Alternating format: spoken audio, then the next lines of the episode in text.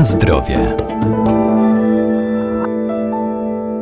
Slow jogging staje się coraz bardziej popularny. To metoda biegania w bardzo wolnym tempie, która zapobiega wielu chorobom cywilizacyjnym, takim jak otyłość, cukrzyca czy choroby krążenia, jednocześnie nie naraża na kontuzje, zakwasy, bóle mięśni i co ważne, powoduje, że nie odczuwamy zmęczenia.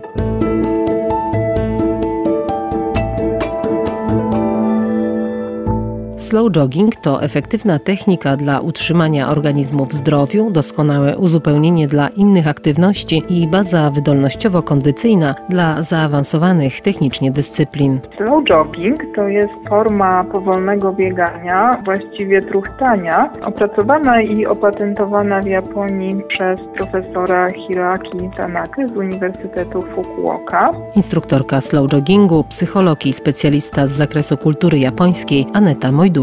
W sumie możemy powiedzieć, że to japoński sposób na życie, zdrowie i długowieczność. Jest to taki najbardziej e, zbliżony do naturalnego sposobu biegania, który nie obciąża stawów, nie powoduje urazów i kontuzji. Generalnie, jeżeli zaczynamy swoją przygodę ze slow joggingiem, to warto poznać e, kilka zasad. Taką najważniejszą, podstawową jest bieganie w tempie niko-niko. Jest to takie tempo, które pozwala na swobodną konwersację, na uśmiech w trakcie biegania, na oddech przez nos i takie bieganie bez zadyszki. Inną ważną zasadą flow joggingu jest lądowanie na śródstopiu. To jest e, taką naturalną amortyzacją całego naszego układu ruchu. Warto też pamiętać o kadencji. My mówimy w flow joggingu, że jest to ilość kroków e, na minutę.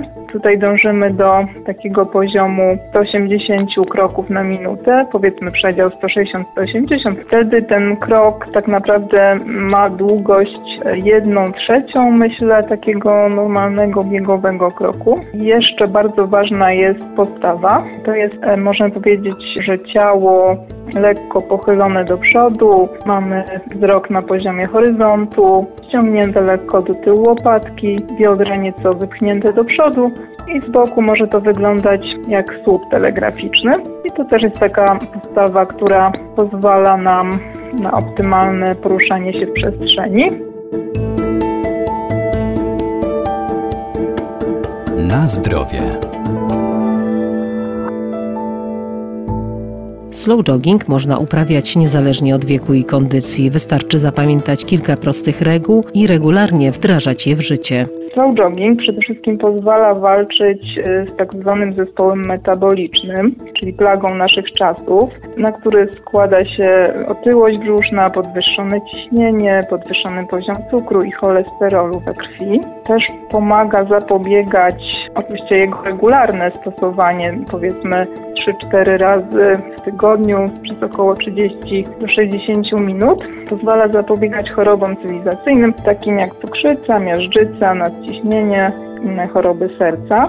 Też wiele badań było prowadzonych w Japonii, bo Japończycy starają się rzetelnie dokumentować te wyniki. Badania pokazały, że usprawnia pracę mózgu, poprawia pamięć, koncentrację, no, w sposób istotny wpływa na samopoczucie poprzez wydzielanie się endorfin. No i co ważne, też powoduje utratę wagi, a to przez utratę kalorii, bo trzeba powiedzieć, że przy wysiłku zbliżonym do marszu spalamy dwa razy więcej kalorii niż na przykład po prostu podczas e, zwykłego spaceru.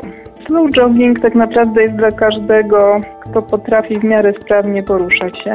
Z uwagi, że jest to niewielki poziom wysiłku i biegamy na dość niskim tętnie, z powodzeniem mogą go uprawiać seniorzy, także osoby z nadwagą, osoby powracające na przykład do sportu po kontuzjach, czy osoby, które po prostu dopiero wstają z przysłowiowej kanapy.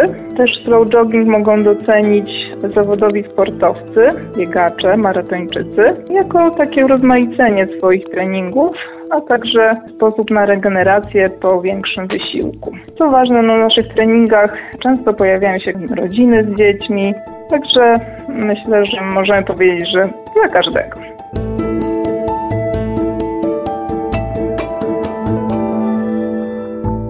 Podczas uprawiania sportu na świeżym powietrzu warto pamiętać o odpowiednim ubraniu, dostosowanym do pory roku, wykonywanych czynności oraz pogody.